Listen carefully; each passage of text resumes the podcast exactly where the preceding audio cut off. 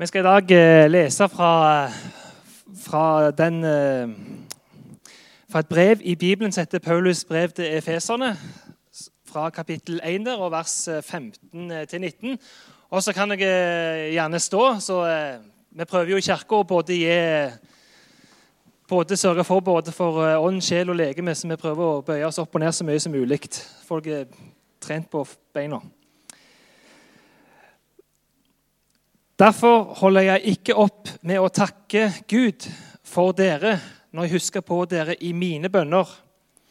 For jeg har hørt om deres tro på Herren Jesus og deres kjærlighet til alle de hellige.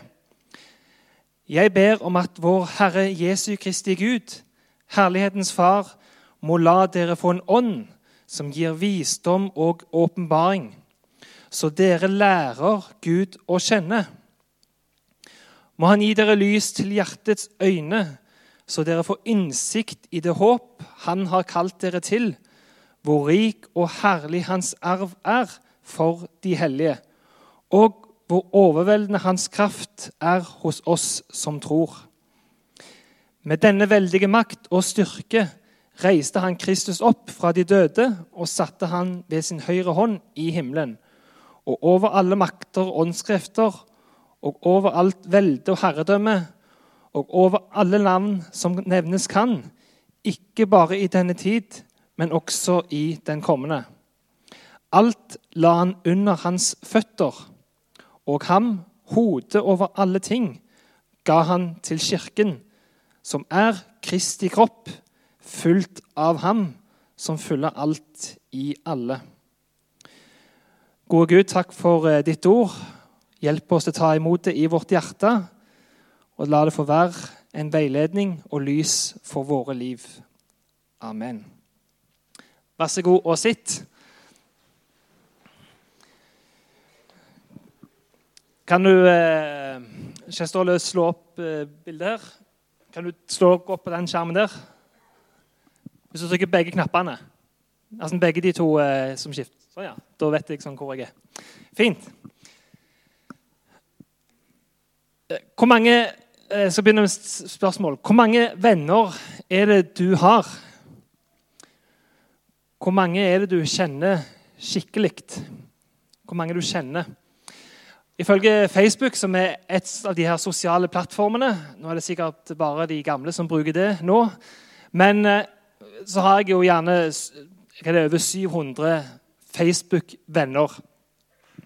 Men hvor mange av de vennene som jeg eh, egentlig eh, kjenner godt, det er nok eh, ikke veldig mange.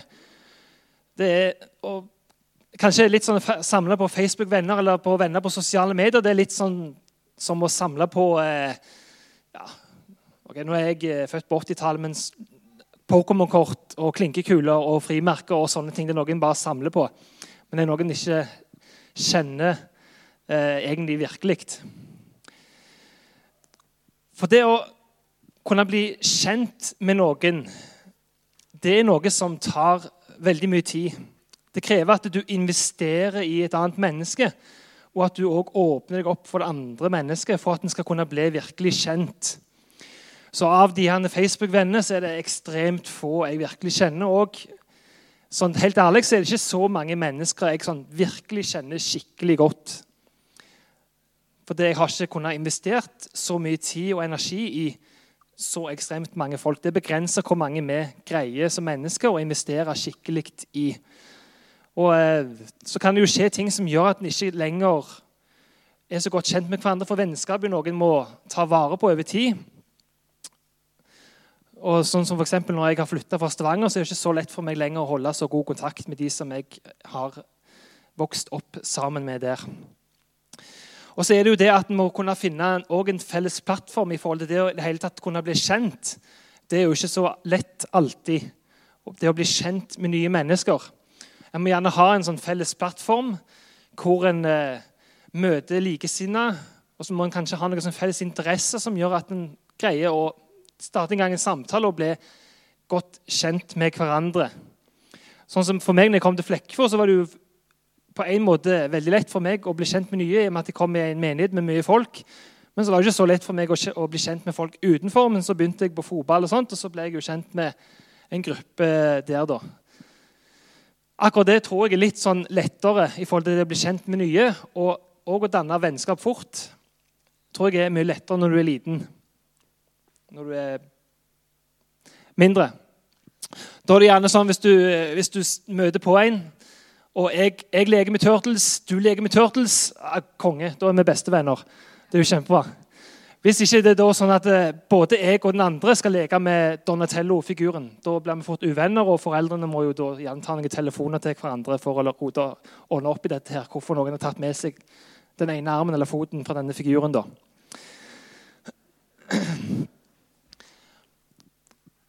Og så er det òg det å, igjen, å ta vare på dette fellesskapet og vennskapet.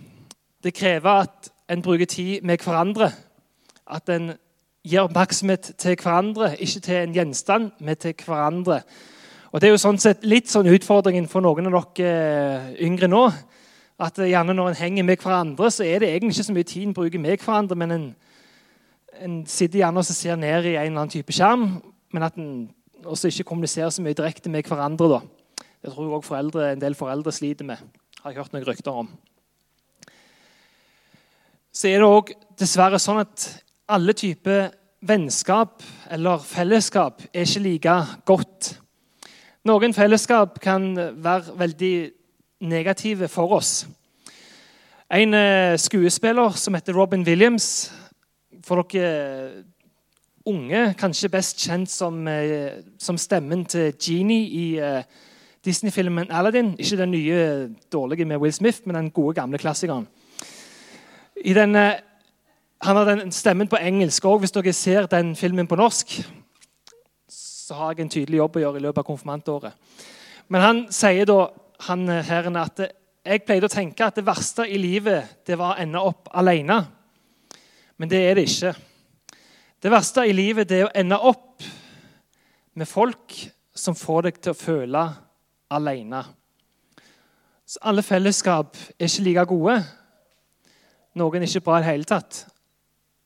Så i det ligger en, en oppfordring til oss som kirke og som folk til å skape gode og meningsfulle fellesskap. Vi har eh, begynt på en eh, taleserie som er kalt 'Én for alle, alle for én' som handler om dette med fellesskap, betydningen av å være del av et fellesskap. Og Da er det spesielt det fellesskapet som Gud inviterer oss inn i, og hva det betyr for livene våre. Og Utgangspunktet for eh, dette temaet er å gå gjennom Paulus' brev til Efesen, som vi har lest fra tidligere i dag. Paulus var en av eh, den tidligste kirkas viktigste ledere.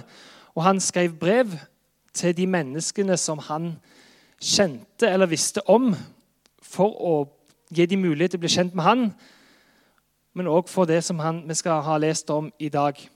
Paulus var en person som eh, i utgangspunktet var en motstander av Jesus. Han likte ikke Jesus, han hata Jesus, og han hata òg de som eh, trodde på Jesus. Så han, Ved flere anledninger så fikk han kristne til å bli drept, til å bli steina. Det var ofte en måte en gjorde det på på den tida. Og på et oppdrag han hadde, hvor han skulle eh, sørge for at en ny gruppe kristne skulle, eh, han skulle ta livet av dem eller få fengsla dem, så skjedde det at han fikk et møte med Jesus og ble kjent med Jesus på en ny måte enn tidligere. Og Det forandra Paulus. Så han gikk fra å dislike Jesus til å like Jesus. Og Han ble fra en forfølger til en etterfølger av Jesus og ble en av de aller viktigste personene for at mennesker kunne bli kjent med Jesus på denne tida for snart 2000 år siden. I det brevet som vi har blant annet lest fra i dag, så er det at han skriver en bønn. Bønn er jo noe vi skal gå gjennom konfirmantåret med, men bønn kan uttrykkes på mange forskjellige måter. Eh, det kan uttrykkes ved at en ikke sier noe som helst, at en bare ber inni deg. Bønn kan være i form av en sang, i form av et rop, et skrik. Eller at det kan være noe som er skrevet ned. En bønn kan være tekst som er skrevet ned, og så kan du gjøre den teksten til din. Og Fra det som vi har lest om i dag, så skriver Paulus i denne bønnen Jeg ber om at vår Herre Jesu Kristi Gud, Herlighetens Far, må la dere få en ånd som gir visdom og åpenbaring, så dere lærer Gud å kjenne. Bønnen til Paulus det er at de som han skriver til, at de skal lære Gud å kjenne. Og Det som vi har oppbevart i Bibelen, det er ikke bare noe som ble skrevet til en bestemt gruppe på den tida, som gjerne det er når vi skriver brev eller sender en tekstmelding til hverandre. så er det ikke sånn at det skal leses av en hel haug, og så er det på en måte et budskap til en masse andre folk. Men det som Paulus skriver, det som har i Bibelen, det er òg et budskap til oss i dag. Så dette som Paulus skriver, er en bønn òg for oss i dag om at vi skal lære Gud å kjenne. Men så er det da, hvordan kan vi lære Gud å kjenne? Det er jo vanskelig nok for oss å lære hverandre å kjenne. Det å kunne møte, ha mulighet til å møtes, ha tid til å møtes, det er jo vanskelig nok i seg sjøl. Så hvordan er det da i forhold til Gud? Og Når en kaller Gud for Gud, så ligger det i begrepet at Gud er totalt annerledes for oss. Det er totalt umulig for oss mennesker å, ha, å selv ta kontakt med Gud, tenke seg ut hvordan Gud er. Så hvordan kan en hele tatt kunne få tak på dette med Gud? Hvis vi mennesker sjøl skal prøve å finne ut hvem Gud er, så blir det da bare våre egne guder, men ikke den sanne Gud. For i Gud, gudsbegrepet ligger det at han er helt utenfor vår forstand både til å forstå han og nå han. Vi har i dag feira dåp, og dåp er jo en av de måtene som allikevel Gud gir oss muligheten til å bli litt kjent med Han. Gud har gitt oss ulike midler hvor Han gir seg kjent. Og det å legge et barn i dåp det er den beste starten en kan gi et barn for å, bli, for å bli kjent med Gud. For I dåpen får barnet et møte med Gud. Men samtidig så er det ikke sånn at en har fått alt det i forhold til å bli kjent med Gud. Dåpen er ikke en endestasjon, men det er en start. Og det uttrykker jo den dåpskjolen. Det er noe en vokser inn i, noe en lever i gjennom hele livet. Det kan ta en evighet å bli kjent med Gud. Det er noe som tar hele livet. Og Konfirmasjon er jo òg en unik mulighet til å bli kjent med Gud. Det er en once in a lifetime-event hvor du får satt av et helt år til å stille spørsmål, til å gå gjennom de grunnleggende tingene som vi har litt forståelse for i forhold til Gud. Så For meg sjøl tenker jeg at det er alltid fint å kunne legge til rette for at en kan både spørre og stille kritiske spørsmål til det ene. Så bruk den anledningen så om du har ei bok hjemme og har mye du tenker på, så følg den opp, og så skriv opp alt det du måtte lure på. Så om jeg ikke kan gi, et, eh, kan gi deg det svaret du leter etter, og så er det ikke alltid alt vi vet, så er det iallfall en mulighet til å stille de spørsmåla som en må ha. Hvordan kan en da bli kjent med Gud? Og Nøkkelen her er jo da Jesus. Jesus er den som gir oss muligheten til å bli kjent med Gud. En som fulgte Jesus når han vandret rundt på jorda. Johannes skriver i en bok som er oppbevart i Bibelen, at ingen har noen gang sett Gud. Den enbårne som er Gud, og som er i fars favn, han har vist oss hvem han er. Så En av årsakene til at Jesus ble født som et menneske som vi feirer jula, det er for at vi skal kunne få se hvem Gud er, og få komme i kontakt med Han. Jeg sa at ingen av oss mennesker kan på egen hånd finne ut hvem Gud er, eller ta kontakt med han. Så Derfor er det Gud sjøl blir et menneske som oss, for at vi skal kunne bli kjent med han. Så Jesus er her nøkkelen til det å kunne bli kjent med Gud, få del i fellesskapet og få vite noe av hvem han er. Men det stiller jo egentlig et nytt spørsmål. Altså, hvordan bli kjent med Jesus, da? For Jesus, som dere vet jo, vandrer ikke rundt på jorda fysisk, sånn som vi leser om i Bibelen. Jesus er jo ikke fysisk på jorda sånn som før. Så hvordan bli kjent med Jesus i dag, da? Det tydeligste plassen hvor vi får virkelig bli kjent med Jesus, tenker jeg, er gjennom Bibelen. Hele bibelhistorien har som sentrum Jesus. Før Jesus er det forventningen om at han skal komme. Og etter Jesus er kommet, så er det jo betydningen og hvordan en blir kjent med han. Nå ble nok den skriften veldig liten for noen, men Bibelen er faktisk en utrolig viktig og vitenskapelig, pålitelig kilde til å vite noe om og bli kjent med Jesus. I forhold til historiske personer så er det ingen annen historisk person som er så godt dokumentert som Jesus. Både i forhold til når de første tingene ble skrevet ned om Jesus, som ble skrevet ned fra veldig kort avstand fra Jesus' liv, og i forhold til den eldste boka, eldste manuskriptet om dette her, og i forhold til spennet i antall år fra Jesus ble, gikk rundt på jorda, til det eldste manuskriptet. Og det siste i forhold til antall kilder som en har om Jesus. Så I forhold til mange andre historiske personer som en tar som en selvfølge, som en ikke stiller så mye kritisk spørsmål til, så er det ingen som er så godt dokumentert som Jesus. Og En kan også sammenligne alle de tusen ulike manuskriptene som er skrevet av for hånd. De hadde jo ikke trykk, mulighet til å trykke bøker som da. Så kan en til og med sammenligne og se at de stemmer overens med hverandre. Både de som er skrevet på forskjellige språk, som er skrevet på en helt annen del av, eh, av eh, verdensdelen, så kan en se at dette her stemmer overens med hverandre. Og Det er også derfor vi har Bibelen i dag, og derfor det var så viktig å ta vare på det som ble skrevet ned for de første kristne. Det er for at vi i dag, mange tusen år senere, også skal kunne få bli kjent med hvem Jesus er, og betydningen av han. Så Han som har skrevet Johannes eh, evangeliet, som er den fjerde boka som handler om direkte Jesu liv, skriver at dette er skrevet ned for at dere skal tro at Jesus er Messias, Guds sønn, og for at dere ved troen skal ha liv i hans navn. Og Dette med tro er jo noe som alle mennesker tar. Noen av dere har sikkert tatt noen valg på tro allerede i dag, både i forhold til hvordan dere skulle kle dere, kanskje i forhold til hvor god tid dere trodde dere ha, skulle ha før dere kom til kirka. Kanskje tok dere valg i forhold til hvordan dere skulle kjøre, om dere skulle, ta, om dere skulle bare gå eller skulle kjøre bil, i forhold til hvordan dere trodde været skulle bli.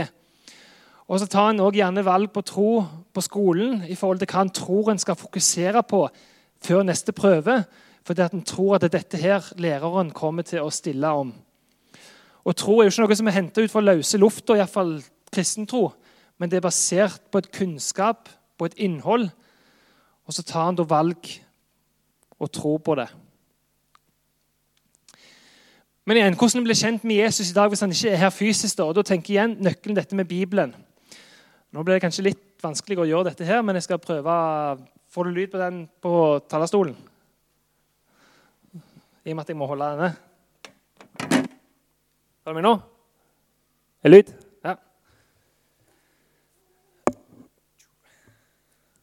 Det er jo mange typer eh, bibler som, eh, som en har. Små bibler, korte bibler, lange bibler. Litt sånn som mennesker. Men hvis du skal bli kjent med Jesus, så betyr det igjen sånn som med oss mennesker, at du må bruke du må bruke tid. Du må investere tid. Så hvis du aldri bruker tid med Jesus, aldri bruker tid på å bli kjent med han, så vil Jesus og Bibelen framstå som noen helt eh, blanke ark. Det vil ikke være noe som du vet er for noe eller har forståelse for. Det blir bare helt blanke sider. Men hvis du tar og investerer litt tid i forhold til å bli kjent med Jesus, til å lese Bibelen, så begynner tegningene, eller så begynner historiene å ta liv, og du blir litt kjent med Jesus. Begynner å se litt sånn hva det handler om for noe.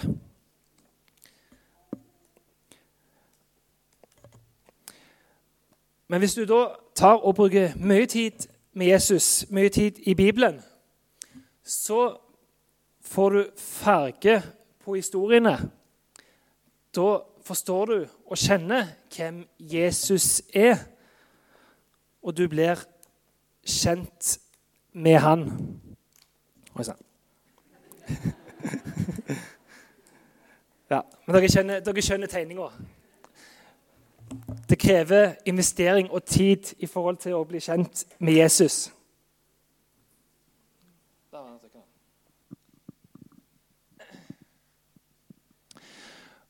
Så Oppfordringen er jo til dere blant annet konfirmanter som har fått deres egen bibel, det er å bruke den. Og da er det en fordel Hvis du skal bruke den, så begynn i Det nye testamentet og begynn med hans etter Johannes, når du skal lese historien om Jesus. Som en sa på eh, bibelteam på torsdag, det er den som er enklest å sette seg inn i. Samtidig så er det det dypeste boka i Bibelen. Nå har jeg kanskje begynt sånn litt i motsatt rekkefølge. for det Spørsmålet deres er jo kanskje mer sånn hvorfor bli kjent med Gud? Hva kan det bety for mitt liv? Jeg vil peke på tre ting. Det første er at ved å bli kjent med Jesus så får du se hva framtid Gud har for oss. Som har lest, så skriver Paulus at må han gi dere lys til hjertets øyne, så dere får innsikt i det håp han har kalt dere til. Håp det er noe som vi mennesker trenger. Ved å bli kjent med Jesus så ser du at Jesus har håp og framtid for oss. Uten håp så greier ikke vi mennesker å leve. Hvis ikke vi har håp om en god framtid, så gir vi jo opp. Vi slutter jo å leve. Og for det er dere som så fotballkampen mellom Barcelona og eh, Bayern München Der kunne du se et lag og en gruppe mennesker som hadde gitt opp alt håp da Barcelona ble knust av Bayern München. De hadde ingen håp om at det skulle bety noe, det de drev med, Barcelona-spillerne. Så uten håp så greier ikke vi mennesker leve. Det andre er ved å, ved å, bli kjent med Jesus så forstår du hvor dyrebar dere er. Gud har en utrolig kjærlighet til alle mennesker, like høy til alle. Og, å, og Derfor skriver Paulus at hvor rik og herlig hans arv er for de hellige. De hellige her er et uttrykk for de kristne. Gud elsker alle mennesker like høyt, men det er først ved å ta imot trua og bli en kristen at en kan virkelig erfare denne kjærligheten i eget liv. For da blir en et Guds barn, og da får en oppleve kjærligheten som Gud har, som en far til deg som hans barn. Og så kan det noen ganger være at Selv om en er kristen, så har en jo ulike følelser som kan gå opp og ned. En kan ha en følelse ikke alltid på topp. Sånn er det. Men du kan likevel vite at du er høyt elsket alltid ved å se på Jesus. For Jesus er det tydeligste eksempelet på hvor høyt Gud elsker hver enkelt. Og Derfor skriver Johannes òg i boka si, eh, som jeg skal lese etterpå men det mest grunnleggende behovet vi har som mennesker, er jo å bli elska. Uten å bli elska så betyr fellesskap en del av ingen, ingen, verdens ting. Og En annen som heter Robin Williams, en popsanger Han var stor på 2000, begynnelsen av 2000-tallet. Sikkert ingen av dere unge som kjenner han. Eh, men han, han, synger i en sang som heter 'Feel', at det, det, dypeste han trenger, det er å bare kjenne kjærlighet. Og uten det så er det, så er det som et svært hull som er i livet hans, som ingenting greier å fylle. Ingen gjenstander, ingen gjenstander, ingenting greier å fylle det uten kjærlighet. Og Johannes skriver at tegnet på hvor høyt Gud elsker oss, er Jesus. Derfor skriver Johannes at for så høyt har Gud elsket verden, at han ga sin sønn den enbårne, for at hver den som tror på ham, ikke skal gå fortapt, men ha evig liv. Og Det tredje ved å bli kjent med Jesus er at du får del i Guds kraft. Og Derfor skriver Paulus at og hvor overveldende hans kraft er hos oss som tror. Jesus på langfredag døde, men ved Guds kraft så ble han reist opp igjen. Og Den kraften til å stå opp fra døden er òg den som Gud gir oss del i. Både i forhold til det å få et evig liv, men òg i forhold til det at det er ingenting i dette livet som skal knuse deg. Ingen motstand er for stor. Ingen utfordring er for stor, for Gud vil gi deg kraft til ikke alltid komme forbi det, men å komme gjennom det. Gud gir deg kraft til å gå gjennom det som du møter i livet. Så Oppfordringen min i dag er å bli kjent med Jesus. Bli kjent med han for å få del i et fellesskap som har utrolig stor betydning. Verdifullt fellesskap, men som òg kan skape en forandring i ditt eget liv.